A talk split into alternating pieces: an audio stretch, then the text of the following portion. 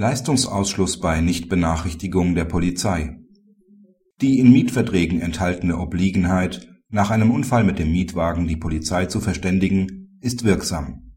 Für die Beurteilung der Angemessenheit von AGB kommt es auf eine Ermittlung der Interessen an.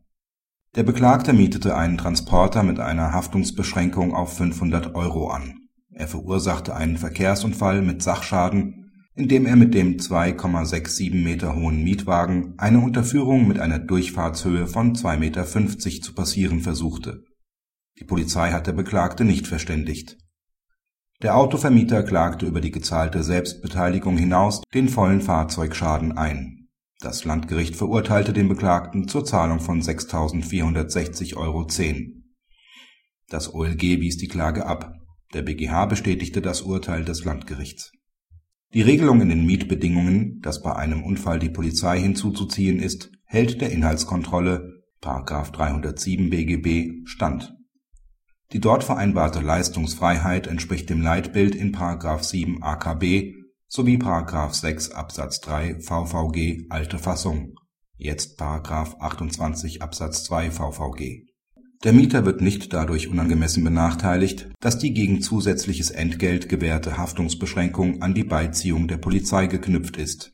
Dass der Verstoß gegen diese Aufklärungsobliegenheit in der Regel zum Leistungsausschluss führt, ist nicht zu beanstanden. Der Mieter hat es in der Hand, entweder die Obliegenheit zu erfüllen oder sich über sie hinwegzusetzen, dann aber seine Haftungsfreiheit einzubüßen.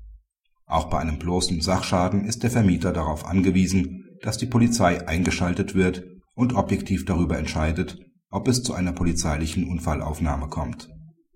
Erklärt die Polizei, dass sie zur Aufnahme des bloßen Sachschadens nicht erscheint, die Beweislast hierfür trägt der Mieter, fehlt es an einem Verschulden des Mieters.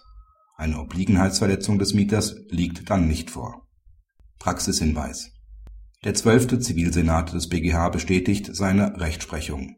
Kurz vorher hat er mit Urteil vom 10.06.2009 die streitige Klausel geprüft und für wirksam erachtet. Der BGH stellte darauf ab, dass die Klausel eine Obliegenheit formuliert, die sich in das Leitbild der Kaskoversicherung einfügt. Er wies zutreffend darauf hin, dass die Klausel allein durch ihre Existenz hilft, an der Aufklärung mitzuwirken. Zudem belastet die Pflicht, die Polizei hinzuzuziehen, den Mieter bei den heutigen Möglichkeiten der Telekommunikation äußerst gering Mietern von Fahrzeugen ist daher dringend zu raten, sich auch bei einem bloßen Sachschaden am Mietfahrzeug mit der Polizei in Verbindung zu setzen und dies zudem zu dokumentieren